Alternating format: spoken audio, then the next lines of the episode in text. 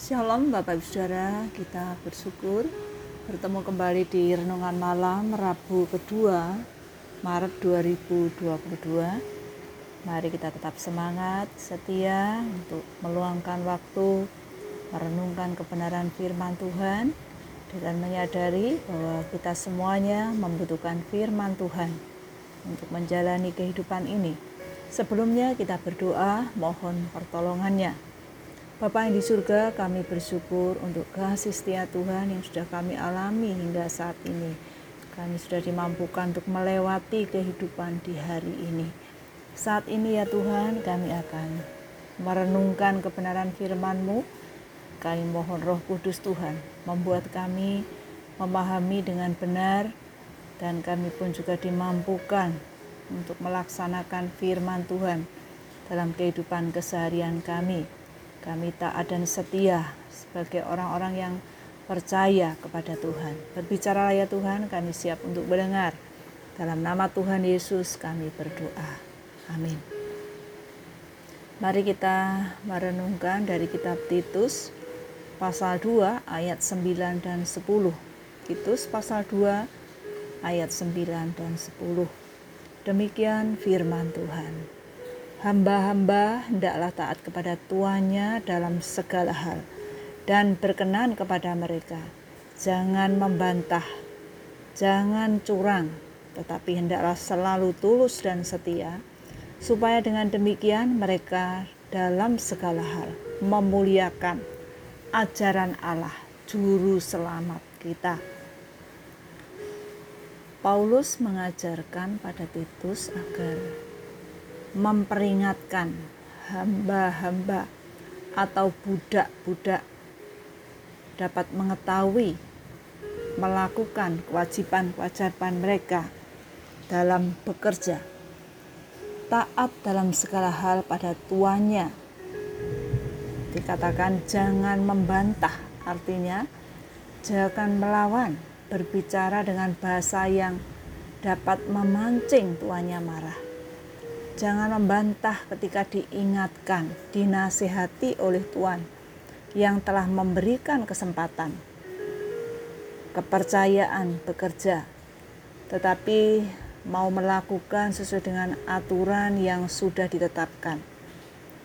Setiap majikan memberikan aturan-aturan atau ketetapan-ketetapan supaya ditaati, dilakukan oleh setiap pelayan-pelayan atau budak-budaknya dengan tujuan yang benar. Selanjutnya, sebagai hamba-hamba, hendaklah taat kepada Tuhan atau majikan dengan tindakan maupun perkataan. Jangan curang, tetapi hendaklah tulus dan setia. Misalnya, hamba-hamba dengan jelas tidak diperbolehkan mencuri barang-barang milik tuanya sekalipun nilainya kecil. Kemudian dijual lalu mengatakan bahwa barang tersebut rusak atau hilang. Mereka harus dapat membuktikan bahwa mereka tulus dan dapat dipercaya dalam segala hal. Melakukan semua itu dalam setiap pekerjaan yang dilakukan dengan tujuan untuk menunjukkan, membuktikan bahwa yang Allah ajarkan adalah benar. Janganlah berbuat curang, misalnya dengan cara menggunakan uang untuk kepentingan pribadi, tetapi memberitahu tuannya bahwa pihak toko belum bayar atau uang masih dipinjam teman dan masih banyak alasan-alasan lain yang disampaikan pada tuannya. Titus mengingatkan bahwa sebagai hamba hendaklah tulus dan setia sangatlah penting seorang hamba dapat dipercaya oleh majikannya dengan menunjukkan melalui pekerjaan yang harus dilakukannya. Demikian juga mengatakan yang benar, bertanggung jawab dalam pekerja yang merupakan kewajiban yang harus dilakukan. Yang menunjukkan identitas sebagai anak-anak Tuhan. Setiap hamba-hamba yang sudah percaya kepada Tuhan Yesus. Tidaklah melaksanakan kewajiban-kewajiban mereka dengan benar, bertanggung jawab karena dengan demikian mereka telah melaksanakan yang Tuhan perintahkan. Tidak melakukan yang mempermalukan, melainkan memuliakan Allah melalui segala sesuatu yang dikerjakan. Jika saat ini Tuhan masih memberikan kita kesempatan, memberikan kepercayaan untuk melaksanakan kewajiban-kewajiban kita sebagai hamba-hambanya, sebagai pelayan-pelayannya. Marilah dengan hati yang taat dan setia, melakukan dengan tujuan yang benar, yaitu mewujudkan ajaran-ajaran Tuhan Yesus dalam tindakan yang berkenan dan memuliakan namanya. Kehidupan kita adalah merupakan sarana untuk menyatakan ajaran firman Tuhan yang sudah kita terima dan percaya. Sehingga sesama dapat melihat dengan jelas kebenaran yang dinyatakan dalam perbuatan.